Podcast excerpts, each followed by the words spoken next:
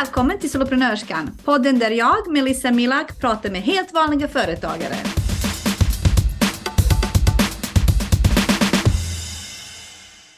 Välkommen till dagens avsnitt av Soloprenörskan där jag pratar med Jessica Hjärt. Hej. Hej Jessica, välkommen! Tack. Jag tänker att vi känner varandra ganska väl nu, men Mm. vi låter alla andra lära känna dig. Mm. Se, en av soloprenörskorna i gruppen, eller vår Facebookgrupp. Yes. Ehm, så jag och du blev ju liksom, lärde känna varandra genom att jag behövde en terapeut och du ville ha hjälp med eh, coaching, alltså inom företagande, företagsrådgivning. Mm. Så vi tänkte vi skulle byta, eller göra utbyte av tjänster, eller hur? Mm. Men sen blev vi tyvärr vänner, höll jag på att säga. Ja, det är för jävligt. Nu går det inte alls. Nej. Alltså det går inte för att nu kan inte jag eh, inte ha en åsikt och du kan inte inte ha en åsikt. Nej, precis. Det är mer personligt. Ja, vad, vad vill du? Vill, har du något att berätta om det? Ja, vad ska jag berätta om det? Nej, men att det kändes ju väldigt, alltså vi pratar ju fortfarande om, om liksom svåra, liksom allting, så att vi är ju fortfarande terapeut och coach, men, men kanske inte på samma sätt. Det går inte att hålla, och jag tycker det försvann ganska snabbt att vi gick över gränserna och blev vänner. Eh, så att vi försökte ju ett tag, men kände väl ganska liksom så fort att vi eh, pratar ju om allt oavsett ändå. Sådär. Ja. Eh, vilket jag är jättetacksam för. Och jag visste också att det, det är ju svårt. Man kan ju inte terapeuta någon man är kompis med. Liksom. Och det behöver man ju också vara tydlig med. För att då blir man ju inte lika... Man behöver ju en viss distans. Absolut. Mm. Jag Så- känner oftast att när jag söker hjälp av något slag i mitt företag eller privat, att jag vill jobba med någon som inte känner mig överhuvudtaget. Mm. Någon Ja, som men- inte har någon aning om vem jag är. Spelar ingen Mm. roll om det är terapeut eller bokföringskonsult. Det Mm. känns som att det blir en helt annan Mm. dimension, ett annat sätt att jobba. Men, Men jag visste ju vem du... Eller du visste ju... Jag var ju i din grupp. Så hur kom det sig att du ändå frågade mig då? ja, men alltså, vi var inte, Nära var kände vi. inte varandra. Jag, jag såg dig, du verkade trevlig. Och jag tänker så här, fördelen med marknadsföring. Jag tittade i dina kanaler och jag gillade eh, dig. Fick Mm. möjlighet att lära känna dig, börja Mm. lita på dig, börja gilla Mm. dig och vilja jobba med dig. Det är det marknadsföring handlar om. Vilket du Mm. gjorde ett bra jobb. eh, där jag kände att nej, men det här känns som en person jag kan lita på. Hon verkar vara liksom klok och kan eh, ge mig goda råd. Eller liksom i alla fall få bolla med. Mm. Och jag kände att jag behövde en terapeut, någon att prata med. Mm. Eh, och sen hörde jag av mig till dig. Mm. Och du reagerade, hur då? Minns jag inte ens. Vad sa jag? Vad gjorde jag? Nej, men jag tänker mer att jag vet att du också har tänkt samma sak. Jo, precis. Jag hade ju tänkt sådär att åh, ska jag kontakta dig? Vi, du var ju med i min podd, så vi pratade ju där och jag kände ju också att vi hade en god, alltså du, du var väldigt klok och smart och vi hade en bra diskussion tycker jag. Det var lätt att prata med dig. Man kan ju känna direkt så här ifall det synkar. Mm. Och jag kände verkligen att det synkade med dig och att vi kände som att vi var på samma nivå i företagandet med samma kunskap så vi kunde liksom dela mycket med varandra. Så jag hade ju tänkt liksom att ja, men jag skulle kunna kontakta dig, för det kanske vi kommer in på, men jag känner mig ganska ensam som företagare. Att vara terapeut är också ett otroligt ensamt yrke, för jag är instängd i ett rum med massor med hemligheter liksom. Ja. Så jag är ju väldigt eh, ensam. Eh, men så kontaktade jag inte dig, för jag tänkte att nej, varför skulle du vilja prata med mig? Jag har ju massor med företagare att prata med. Men så sträckte du handen åt mig istället, vilket jag är jätteglad för. Men alltså åt samma håll. Du har ju massa företagare du kan prata med. Mm. Ja, men det är så. Mm. Men det är ju att man ska känna den här liksom, eh, synkningen och det är inte alltid lätt. Liksom. Och att man Mm. behöver företagare. Jag älskar alla andra företagare eh, och att samarbeta och prata med företagare. Men jag känner också att för min egen skull så behöver jag träffa personer som är på samma nivå eller lite över mig för att jag ska få draghjälp. För jag jobbar ju, jag är ju mentor och coachar andra företagare och sådär också. Och när man ligger lite framför dem så så får man ju inte samma draghjälp själv liksom. Så jag känner ju stort behov av att möta andra som faktiskt kan lyfta upp mig lite också. Och det kan ju du. Tack så mycket, och det kan jag också. Jag tänker det är så många bra grejer här. Vi har inte ens presenterat dig eller mig, men vi kör. Vi presenterar oss lite längre fram i den här podden. Jag tänker det är bra saker du pratar om är att man känner sig ofta ensam som soloprenör. Man behöver någon att prata med och bolla med. Man vill fortsätta utvecklas och då vill man ha personer på samma nivå. Men också det här att våga fråga. Mm. Vad är det värsta som kan hända? Och det är så lätt att tänka, speciellt om man upplever att någon är duktig, att man kan känna, åh, ska jag verkligen, varför skulle hon prata med mig? Mm. Alltså skicka ett meddelande, du kan få ett nej. Det är liksom det mm. absolut värsta som kan hända. Mm. Men sannolikheten är att du får ett ja och att du får en ny kompis så som vi mm. gjorde. Ja men precis. Och jag brukar inte vara feg. Jag är verkligen en person som bara kastar ut bollar överallt. Så jag vet inte varför jag inte vågade gentemot dig. För jag är verkligen så här, jag kontaktar alla vem som helst och sen så glömmer jag av att jag kontaktat så att jag får ett nej spelar ingen roll liksom. Så att, eh, men det är såklart, jag är också människa med rädslor. Även om jag tycker att jag ändå har ganska bra koll på mig själv så är det klart att jag också har något sånt där att saker att jobba med, så är det ju. Ja, och jag är skrämmande så att jag förstår. Du är väldigt skrämmande så du är inte första personen man kontaktar. jag kan förstå du var rädd. ja. Men ska vi ta och presentera dig? Eller jag tänker så här, jag vet inte ens om jag någonsin presenterat mig i den här podden. Nej. Jag heter Melissa Milak. Jag driver Facebookgruppen Soloprenörska och företaget Envisare där jag lär ut hur man startar och driver ett företag på rätt sätt för att liksom få till lönsamhet snabbt och driva det på sina egna villkor så man kan må bra och tjäna bra. Mm. Berätta om Jessica. Jessica är eh, KBT-terapeut. Eh, jag har drivit företag i över tio år och gjort massor med olika saker. Men de senaste tre åren så har jag en samtalsmottagning i Vänersborg där jag utför terapi. Blandade klienter, kan vara alla möjliga olika problem. Jobbar också med min eh, hund som är utbildad terapihund eller håller på att utbilda sig idag. Så han är min närmsta kollega. Eh, jag jobbar också med skrivterapi. Så jag utbildar skrivterapeuter och eh, ja, men har skrivkurser online vad gör jag mer? Jo, men jag coachar och vägleder företagare och hittat på lite olika saker hela tiden också. Men... Det är väldigt mycket. Ja, det, har vi jobbat mycket. väldigt mycket med, du och jag. Precis, att jag spretar och det kommer jag nog alltid göra. Men överlag så kan man säga att jag jobbar med terapi och skrivterapi. Det är liksom grunden, basen i mitt företag. Sen kanske jag hittar, åh, det här var kul, det här var kul. Men det är liksom det jag gör i stort. Hur började du med terapi? Alltså vad är det som gjorde att du, åh, jag ska utbilda mig inom KBT?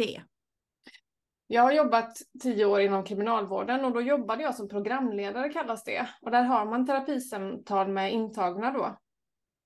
Eh, och där, där var grunden liksom att det är det här jag ska göra. Jag insåg, jag fick väldigt mycket, ja, men jag insåg att det var givande både för mig och klienten liksom. Det var jättetillfredsställande. Så jag gick eh, massor med utbildningar hos kriminalvården och övade på alla de här klienterna som var helt fantastiska. Det var ju liksom en, jättebra målgrupp att bli en bra, bra terapeut på för att de pratade, de ville ju inte komma till mig och ändå fick, fick jag jobba jättemycket för att skapa tillit, allians och sådär. Så när jag gick där så bestämde jag mig att jag har ju liksom drivit företag hela tiden fast jobbat med andra, jag har föreläst och lite sådär. Så jag utbildade mig till terapeut samtidigt som jag jobbade och öppnade upp en mottagning i Vänersborg. Och då började jag ju få klienter som jag tog på helger och kvällar och sådär. Men sen kom man ju till den här gränsen där det nästan inte var kul att få klienter längre för att det enda man gjorde var att jobba. Alltså jag var ju aldrig ledig så när det kom en ny klient så blev man så här, åh nej, när ska jag orka ta den då? Mm. Så då hamnar jag i det här att nej, antingen så får jag säga upp mig och hoppa eller så får jag lägga ner mitt företag. Vilket är omöjligt att göra. Så att det blev att jag hoppade av min anställning helt enkelt. Jag har två frågor. Första är, vad är det som gjorde att du startade eget? Ja, det är ju en ganska lång historia, men jag har alltid velat driva, driva eget och jag har drivit eget innan det här. Alltså jag öppnade en, en butik, hade en webbshop och en butik i stan och sådär. Så att jag, jag är väldigt så här, jag vill göra nya saker och jag är väldigt sådär, vill lära mig grejer hela tiden. Men jag skrev en bok var det första som hände. Och när ett bokförlag sa att de ville ge ut boken så tänkte jag fuck it, jag gör det själv. Och då startade jag ett företag och gav ut min bok. Och när jag, fick den, när jag hade gett ut den så fick jag flera föreläsningsförfrågningar, jag började föreläsa och så. Så den vägen var det, så det företaget liksom har ju hängt med mig då. Så jag är ute och föreläser lite fortfarande och skriver mycket. Vad handlar boken om? Eh, den första boken handlade om eh, depression, att livet som att vara mamma. Måste alla vara så jävla lyckliga hela tiden heter den. Jag hade en depression under graviditet och förlossning och sådär. Så att det var inte sådär, åh vad mysigt att vara förälder som alla tycker. Utan jag ville att man pratar om det här jobbiga också, hur svårt det kan vara. Mm. Mm. Vad var det mer jag skulle fråga? Det var, det var en fråga till kring just det, det här med att jag vet att många idag vill jobba online, vill jobba med bland annat coaching och andra uh, saker där man säljer sin tid. Och inte bara säljer sin tid, utan som coach, som terapeut, så säljer man väldigt mycket av sin egen energi, så att säga. Mm. Jag vet hur jag ska uttrycka det. Mm. Och ja, när jag ser folk planera sitt företag, man ber dem göra en budget, så ligger det liksom så här, men jag ska coacha 30 timmar i veckan. Mm. Och jag bara, nej det ska du inte. Mm. Jag, jag, skulle tippa på fem max. Mm. För du kommer inte orka. Vill du prata lite om det? Hur det är mm. liksom att vara en coach eller terapeut. Mm. Eh, och hur mycket man orkar. Mm. Absolut, och det är därför jag tycker din utbildning är så viktig. För jag startade ju eget liksom, jättetidigt och hade ingen plan och när jag hoppade av min, mitt jobb så hade jag ju heller ingen plan liksom, utan jag bara körde och kände jag måste få in pengar, alltså sådär. Och det är superviktigt för att alla är ju olika, men som när jag har terapi eller coachning så ger jag supermycket av mig själv. Så jag skulle inte kunna ha sex klienter på en dag, för då hade jag tagit slut. Då hade jag blivit utmattad liksom. Så mitt max är 10 klienter i veckan. Mer än så orkar inte jag, så då säger jag nej. Mitt mål skulle kunna vara att ha fem i veckan för att jag skulle må bra. Men just nu behöver jag ju mer, liksom för att man behöver ha in en lön. Så att jag har ungefär 10 i veckan och sen säljer jag ju skrivterapikurser också. Men för det viktiga som terapeut och coach är ju liksom att jobba med sig själv också samtidigt liksom. Jag behöver ju återhämta mig mellan klienter, jag behöver ju liksom ja, men en omstart mellan varje ny klient. Um, och jag tänker också när, det är ju en sak när man sitter på en vårdcentral till exempel. När jag jobbade inom frivården då så hade jag kanske 68 klienter på en dag. Men där gav jag inte lika mycket av mig själv för nu betalar ju folk för att prata med mig. Så för mm. mig är det viktigt att jag hör dig, jag är här, jag möter dig, jag kan inte komma stressad eller uppvärma, inte veta vad du heter eller inte veta hur du... Utan jag ska kunna dig utan till ditt liv sedan två år tillbaka. Du kan lita på att jag vet liksom allting om dig, vad din man och dina barn heter. Och då kan inte jag eh, ja, men ha så många, liksom, utan jag vill finnas där för dig som möter mig. Liksom. Så för mig är det liksom viktigt att ha en begränsning. Jag kan inte ha mer än så här, för då skulle jag inte tycka att jag är en bra terapeut. Liksom. Mm. Och jag ville bara liksom prata om det här för att när man är ny, man är inte van och har många samtal, man kanske har haft liksom övningssamtal men inte riktigt liksom är van att jobba med det här på mm. heltid. Mm. Så tror man att man liksom kommer, för att du vet det här tanke, heltid, det är 40 timmar i veckan. Och då tänker man, ja ah, men när jag startar eget då ska jag jobba 40 timmar i veckan och så behöver jag kanske tid för lite administration, men då ska jag uh, ha klienter 20, 30, 40 timmar i veckan. Och det är inte hållbart, det, det funkar inte. Så jag ville bara liksom att vi skulle. En annan sak jag vill säga som är viktig när det kommer till det, det beror ju på om man är terapeut eller coach, det är ju två helt olika saker, men som mm. terapeut så möter du otroligt många som mår dåligt. Så jag vet i början när jag terapeutade, då hade jag jättemånga deprimerade och självmordsbenägna. Och när jag bara hade det och hade inga samtal där, jag blev ju nästan deprimerad själv. Mm. Och när du är coach eller terapeut så sitter du mycket i samtal och du är väldigt ensam. Liksom. För att när jag jobbade på en arbetsplats så hade jag kollegor som jag kunde skratta lite med i pausen eller få en kram och tanka energi. Men nu går ju mina dagar ut på att jag ska bara lyssna på dig. Jag får ingenting tillbaka. Och därför kan jag inte ha för många för att jag måste ju ge mig själv tillbaka. För jag möter ju, mitt jobb går ju oftast ut på, det är ju en annan sak när jag har mina företagsklienter, där är det ju lite ett lättare samtal och det är mycket enklare för mig liksom. Men när jag har klienter som mår dåligt så måste jag verkligen jobba med att ge tillbaka energi till mig själv för att jag ger ju allt jag har till min klient. Så viktigt. Tack mm. Jessica för att du var med dig. Ehm, jag vill, ska gå vidare. Vad är det mer du gör i ditt företag? Mm. Förutom de här, uh, jag tänker så här, det här när man har terapi tio timmar i veckan så är det förberedelsetid, så är efterarbete. Mm.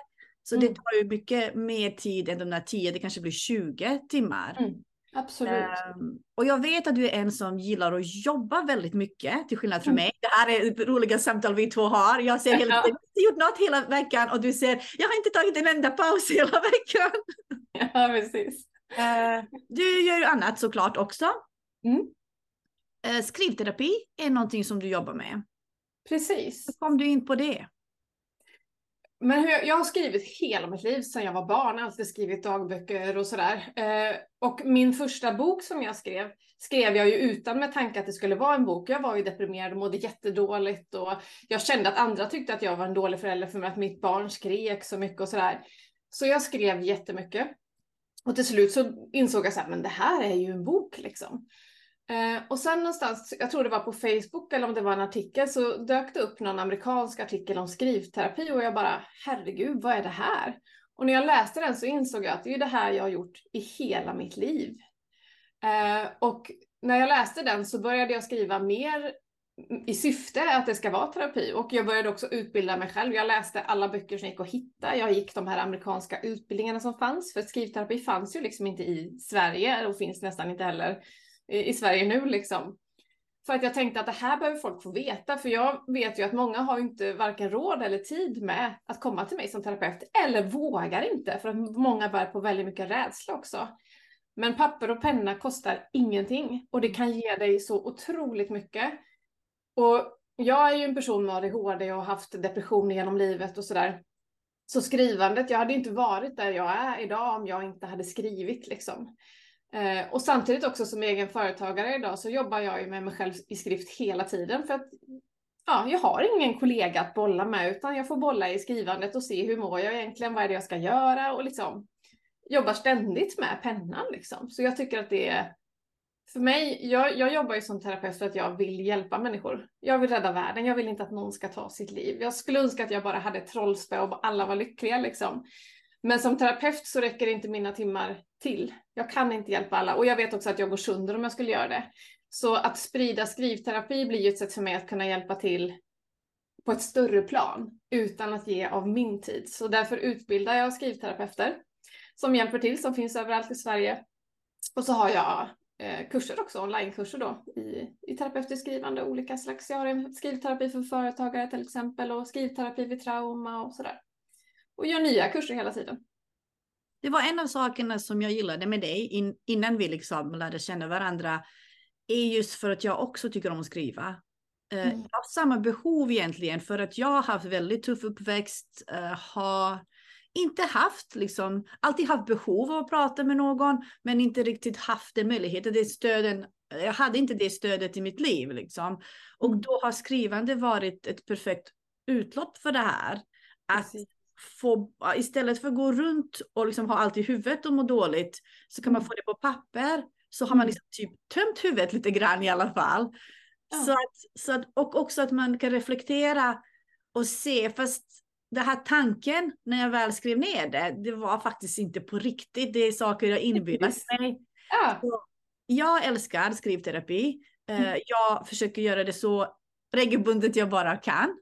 Eh, mm. Börja dagen med att reflektera och, mm. eh, och jag tänker en annan sak som du säger är det här att vi återigen blir oftast väldigt ensamma som soloprenörer. Och då behöver man lära sig att bolla med sig själv. Mm. Ska man ha ett företag som, som blir precis som man önskar sig, alltså mm. helt på mina egna villkor, ska jag bygga mitt drömföretag, så mm. måste jag lära mig ta beslut. Mm. Och då är det jättebra att reflektera. Mm. Alltså att använda det här inte bara som i, i terapi för att jag mår dåligt utan också som i att bolla med mig själv. Det här beslutet behöver jag ta. Ska jag vara med på den här marknaden? Ska jag göra den här hemsidan? Ska jag göra det här samarbetet? Mm. Att man liksom sätter sig ner och reflekterar. Vad får jag ut av det? Vad är nyttan? Hur mycket är det liksom värt för mig både tids och energimässigt? är det värt att göra det? Så jag tänker de här sakerna är jättebra som företagare att bolla med sig själv. Mm. Och de flesta företag eller de flesta människor överlag, vi reflekterar ju hela tiden i vårt huvud. Det gör ju alla här garanterat. Och så tänker man, nej men varför ska jag behöva skriva ner det för? Men innan man har testat på så förstår man inte hur, nytt, hur nyttigt det är. För när du skriver ner så blir saker tydligare. Du får ut saker i huvudet. För där ute kan, där går ju bara allt runt i en virvel liksom. Så när du skriver ner det så kan man se så här, ja men det där är ju, det där är inte sant. Eller det där är påhettat. Eller det här, alltså det kommer ut saker som du inte vet om. Och jag mm. jobbar ju mycket med skrivterapi också i mitt terapirum där jag kan liksom, en mening klienten säger kan jag bara skriva upp på tavlan. Och när de ser den här meningen så blir det bara, ja men varför säger jag så? Alltså det blir ja. så tydligt när det kommer ut liksom från dig själv. Så för den som liksom tänker, för jag vet själv när man hör en skrivövning, bara, nej men den kan jag tänka i huvudet. Ja men det är inte samma sak. Du behöver jobba på pappret, du behöver titta på det, du behöver reflektera. Vad är det jag säger egentligen? Vad är det jag tänker egentligen? Och liksom få ut det här. Och precis som du säger så handlar inte skrivterapi bara om att må dåligt, även om jag jobbar mest med det som terapeut. Men, men det handlar ju också om att förebygga stress. Vi vet också, forskningen vet ju att skriver du ner dina mål så är det enklare att du, då kommer du, jag vet inte procenten, men att du når dem. Så du kan ju också jobba för att peppa dig själv och coacha dig själv och liksom. Så det är ju fördelaktigt på massor med olika sätt liksom. Jag håller med. Alltså just mm. det här att tankarna, vi är ju skapta på det sättet att vi först lockas till negativa tankar. Det är liksom de första tankarna som dyker upp i vår värld är någonting negativt, någonting skrämmande. Och sen spinner det vidare och blir liksom större och värre. Och när jag väl skriver ner det, alltså ibland kan jag bara känna, gud vad löjligt. Mm, ja. alltså va? va? Nej, varför tänker du så här? Eh, att man liksom inser att det där var inte riktigt på riktigt. Mm. Det du har gått och tänkt. Precis, och det är ju samma sak som vanlig terapi. För, för till exempel, jag vet ju när vi pratar, när du pratar med mig så kunde ju du själv, jag behövde, jag behövde ju bara lyssna på det, för du kunde ju själv säga så här, nej men, ja, det där hör jag ju själv att det där är idiotiskt, eller varför tänker jag så, eller så där. Och det är exakt samma sak när du får ner det på papper, att fan vilken idiotisk tanke, vad är det där? Liksom, det där är ju påhittat, eller så där. Så att på ett sätt så hjälper det. Det är jättefint att möta människor och prata. Jag skulle ju klart säga att, att det är en, en bättre form. Men kan man inte det så är skrivandet kan vara exakt lika bra. Och jag får säga själv för egen del att det som har hjälpt mig, det är inte terapeuter eller psykologer, utan det är skrivandet som har fått mig att läka. Nu vill jag inte jobba bort mig själv som terapeut, men det är sanningen att jag, jag, liksom, jag har ju såklart gått mycket i terapi eftersom jag är terapeut så måste jag ju gå i egen terapi och så. Men det som har hjälpt mig mest av allt är ju skrivandet. Att bearbeta händelser, bearbeta känslor. Mm. Ensamheten finns där inne. Ja men den är där. Jag behöver jobba på den hela tiden liksom. Jag tänker att man kan kombinera det här. Eh, Absolut. Det är inte så att man bara kan göra antingen eller. Man kan gå till en terapeut säg en gång i månaden eller en gång i veckan men ändå skriva varje dag för sin mm. egen skull. För just som du säger att man kan skriva om precis allt. Det kan vara från inköpslista till mitt mm. mående. Alltså det, det, kan innehålla precis allting, alla tankar som finns. För vi har mm. väldigt, väldigt många tankar som flyger runt. Så och som terapeut, jag utbildar ju skrivterapeuter och det, det, är ofta terapeuter eller coacher som går med en utbildning, men du kan ju ha vilken bakgrund som helst. Men mina klienter får ju ofta skrivövningar efter våra möten. Och där skriver de i min, mitt journalsystem, så jag ser allt de skriver. Och fördelen med det är att jag får ju gå in i deras hjärna. Så när jag ser de här sakerna så kan jag plocka ut saker till vårt nästa samtal som kan vara otroligt givande och vända allt. Jag hade en klient som omedvetet skrev, hon ville liksom ha en partner och kände sig ensam och då skrev hon att eh, jag väntar på att någon ska knacka på, på min dörr. Ja, och då, då tänker man ju så här, vad är sannolikheten att en partner kommer och knackar? Och så när jag ställde den frågan i vårt nästa samtal så blev hon så här, nej, det är ju noll. Här sitter jag. Hade hon inte skrivit det så hade vi inte kunnat vända på det för att så det, det, är superviktigt och man kommer liksom längre och djupare som terapeut eller coach när man använder skrivandet också. Vad spännande. Och ja, och klienten får ju större insikt och lär känna sig själv jättemycket. Så den kommer ju snabbare fram i, i mm. sessionen med mig när den använder skrivandet också.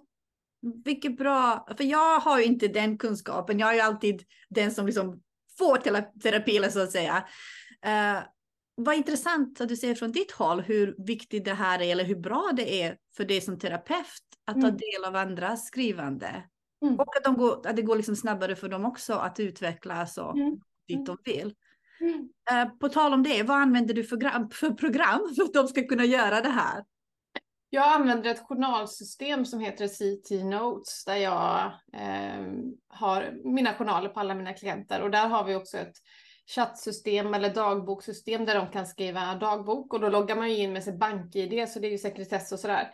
Eh, så att de kan skriva vad de vill och jag läser allt de skriver. Så när jag ska påbörja nästa session så vet jag ju vad har hänt den här senaste månaden, eller veckan, liksom sådär. Och därför kan, behöver jag ju inte fråga det. Vi sparar ju tid i mina sessioner för att jag har redan läst alla anteckningar. Ja, då kör vi liksom. Så det är helt fantastiskt. Det var bra, för jag vet att det här är en fråga som brukar komma upp i soloprenörskan. Så det är därför jag, jag vill höra vad du använder, hur bra det är. Får man fråga vad det kostar? Använda per månad? Det, det, finns olika, det beror på hur många klienter du har. Har du under 10 så tror jag att det är gratis att man får prova och sådär. Eh, och sen har jag också olika system där man kan göra bedömningar på depression och så. Jag betalar 750 kronor i månaden. Eh, men då har jag tillgång till olika skattningsformulär och jag har ju väldigt många klienter och sådär också. Mm. Eh, så att man kan få prova gratis också. Jättebra. Kan du säga en gång till vad det hette? CT Notes. CT Notes. Okay, jag. Tack så mycket. Ja. Hoppas, det är bra för coacher också.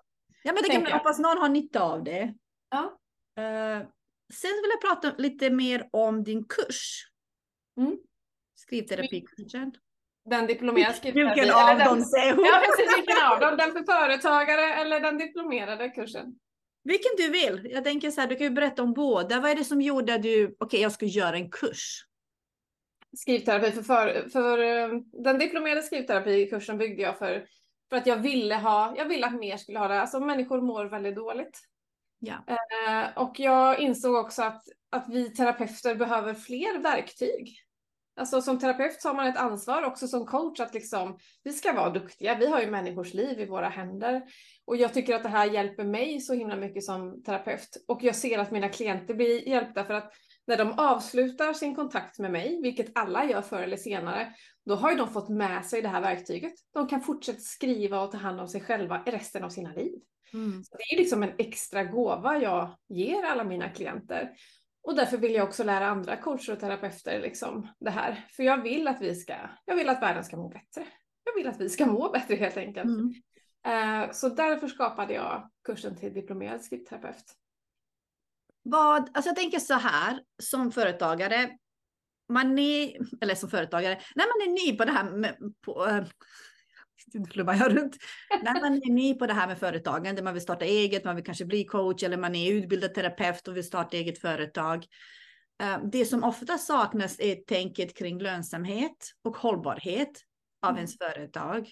Mm. Så och man har inte kunskapen hur man kan göra det och då kanske man börjar coacha eller börjar ha terapisamtal. Man bokar in allt för många kunder som man inser att nej, jag orkar inte. Mm. Och sen backar man och inser att det här blir inte lönsamt för jag kan inte ha. Jag kan inte ha så många, men jag måste få in pengar. Mm. Och då gäller det att liksom göra andra saker i ditt företag där du kan hjälpa ännu fler, mm. fast kanske inte jobba lika mycket. Uh, och då kanske man tänker, okej, okay, men då gör jag någon gruppcoaching eller så mm. gör man någon typ av utbildning. Men oftast utbildar man eh, fysiskt, alltså på plats. Mm. Uh, och det, går liksom, det, det, ökar inte så snabbt som det hade kunnat. Du valde ju att ha en onlinekurs, att skapa mm. en onlinekurs. Hur mm. gick tankarna där rent liksom som företagare? Och jag vet att du gör det för att du vill hjälpa så många som möjligt. Det gör jag också. Men jag ja. tänker mer som för dig, hållbarheten eh, för dig som företagare. Min första, när jag hade den här kursen första gången för jättemånga år sedan, då hade jag den på plats i Vänersborg för att testa. Och det var, det var helt magiskt. Alla i slutet av dagen så hade alla gråtit. Ja. Olika skrivövningar liksom. Um, så, så det var liksom mitt testförsök liksom att, att köra den och det gick jättebra. Eh, men sen precis som du säger så kände jag, för när jag skapade den här kursen då jobbade jag heltid. Det fanns inte möjlighet för mig att ha de här utbildningarna hela tiden. Så det här skapade jag ju samtidigt som jag hade mitt eh, jobb liksom. Eh, så därför blev den online. Eh, så där var ju tanken att hur, hur kan jag hjälpa fler utan att behöva ge mer av min tid? För jag har ju liksom känt hela tiden så här, det är på gräns av utbrändhet eller jag, jag, kan lätt gå dit. Om jag inte hade skrivit och haft koll på mig själv så hade jag förmodligen varit utbränd för, le, eh, för länge sedan. Men jag, jag har ju skrivandet som en termometer hela tiden. Liksom. Hur, hur mår du Jessica? Hur stressad är du? Liksom.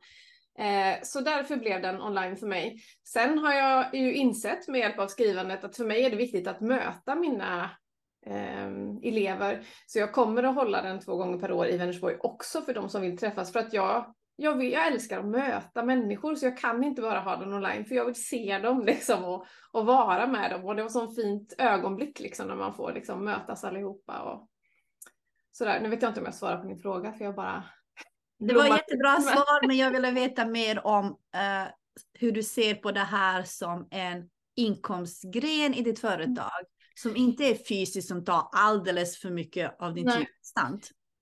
Ja, och det har ju vi pratat om lite grann. Att för mig är det väldigt svårt som jobbar med människor. Jag älskar ju det här genuina. Jag älskar ju mötet med människor. Så jag tycker att det var svårt så här. Jag gillar ju inte att marknadsföra kursen eller sälja på. Det känns liksom för mig ja, men, konstigt att få kunder online som jag inte har träffat. För jag vill liksom möta någon sådär. Så jag har jobbat väldigt mycket med, med mig själv där. För att jag ser ju att jag kommer aldrig vilja ha mer klienter i veckan liksom. Så jag behöver ett inkomstben som inte tar av min energi. För annars kommer jag vara, kan jag inte jobba med det här yrket.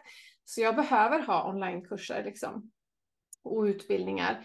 Men jag behöver hitta ett sätt för mig att göra dem roliga, där jag känner en närhet. För att jag känner liksom, jag, när någon köper min kurs och jag inte har kontakt så känns det nästan som att jag utnyttjar dem och lurar någon, liksom, du vet. Nej, det är intressant. Jag tänker du behöver reflektera över det här. Gör ja, men det, det har jag gjort. Detta. Jo, nej, men det, det, har jag gjort genom skrivandet och jag vet ju att det handlar om att jag vill, alltså som terapeut så ser jag ju direkt så här, du blev nöjd. Mm. Men när någon köper en kurs av mig så hör jag ju ingenting. Här, här får du 10 000 och så hör jag ingenting mer. Då blir jag bara så här, vad tycker du? Vad hände? Liksom, jag tycker ju om det här dialogen. Men det, det, den är jag ju medveten om. Som jag skrivterapeuterna så har jag lagt upp det på ett annat sätt. Men de andra kurserna är ju liksom helt, där har jag ju inte kontakt med alla kunder. Men du kan ju ha kontakt. Alltså förlåt, ja, men precis. För dig. Du kan ju skicka iväg ett e-mail och fråga dem hur det går. Jo, men absolut. Sen är det att allting sånt där tar tid. Jag har ju lite tid för jag jobbar ju mycket. Men så där får jag istället jobba med mig själv, att det är andras ansvar. Liksom, jag gör så gott jag kan. Jag vill ju bara hjälpa människor. Men såklart, jag har ju också rädslor och svårigheter. Men de mm. jobbar jag ju med och känner till dem. Mm. Ett tips här för de som lyssnar tänker jag också är automatisering av e-mails. Så att när man mm när de köper en kurs så kan man göra så att det åker iväg ett mail om en månad eller om två eller mm. flera e-mails. Mm. Där du ställer frågan, hur går det, behöver du någonting? Så att mm. då kommer du få svar automatiskt utan att du aktivt behöver liksom Precis, kontakta för, de här personerna. För när du säger det så, så känner jag ju att jag, för mig handlar det om att jag bryr mig. Jag ja, absolut. Mig. Ja, och det är ju så jobbigt att sälja någonting och inte visa min så här, hallå, mm. kropp, jag bryr mig liksom. Men det får jag ju jobba med för att i längden så kan inte jag kasta ut energi överallt. Så jag måste ju liksom så här, okej okay, Jessica, liksom, folk får trycka på knapp och allt är inte mitt ansvar. Jag måste inte liksom. Så där behöver jag ju jobba med min hjälparanda liksom också. Mm. Absolut, och jag tänker det är ju som att sälja en bok. Mm. Det är ju jätte, alltså hur många böcker har vi inte läst där det är faktiskt fakta och kunskap.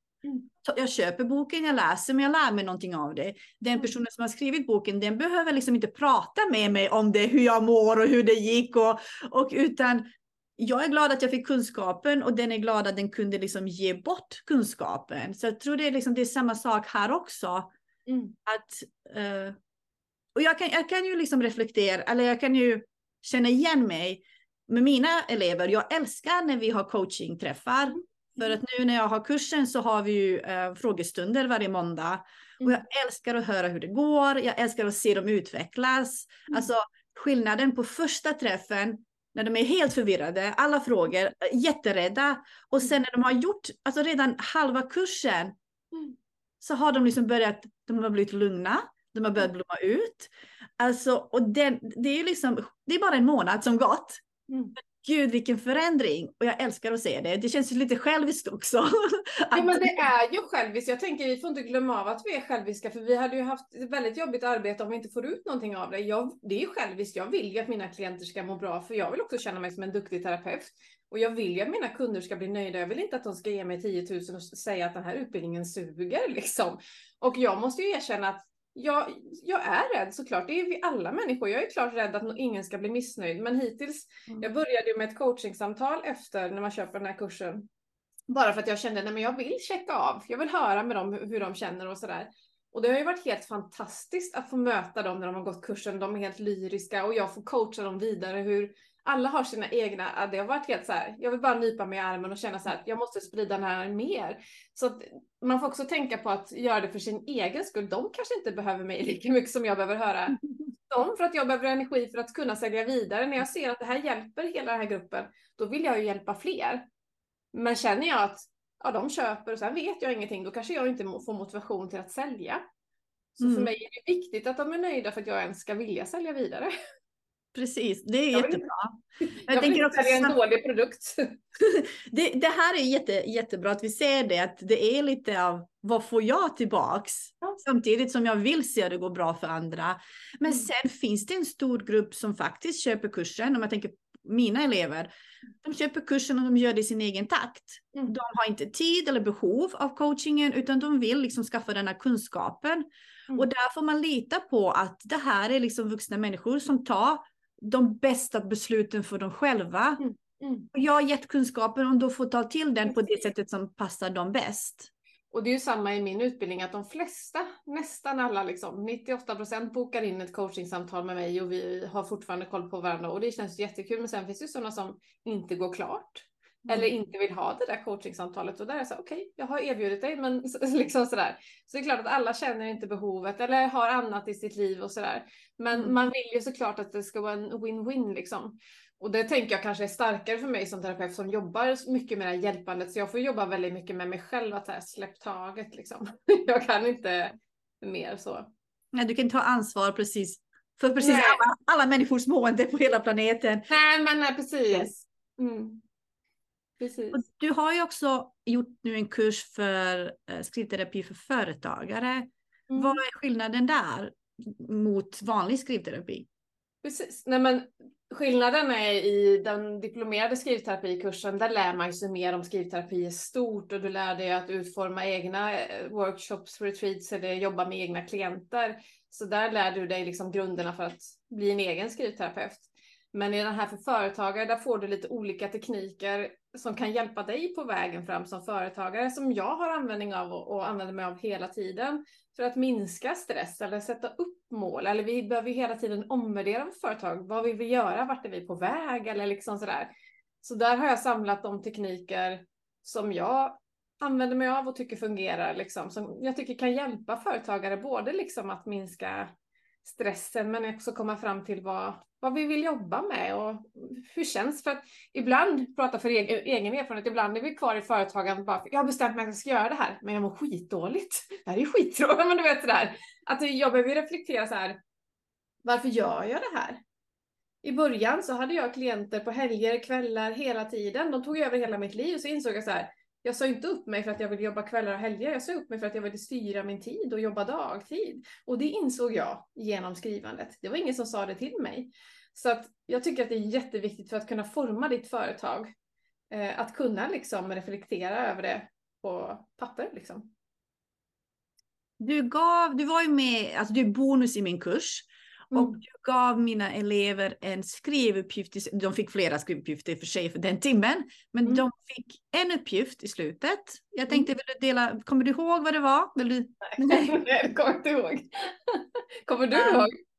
Det var väl, jag var så här, nu kommer jag, nu blev det blackout här också, jag skrev upp det. Um, det var det här att man skulle bolla, alltså man skulle skriva till sig själv som, uh, och få svar som från en mentor. Mm, mm. Precis. Så jag tänkte att de som lyssnar kan få den här uppgiften. Mm. Att skriva ner en fråga och sen svara sig själv. Som mm. om, du hade, liksom, om du hade givit råd till någon annan. Som att du mm. liksom är en mentor som pratar till dig. Mm. Så det skulle kunna vara en, en startövning här för de som driver företag och skulle vilja Precis. börja skriva.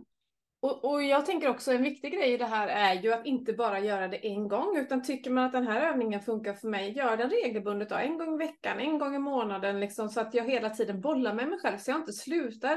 För det är så lätt att vi som företagare bara jobbar på och glömmer av hur mår jag, är det roligt, vart är jag på väg, liksom sådär. Så att använd papper och penna för att stämma av med dig själv. Liksom. Styrelsemöte.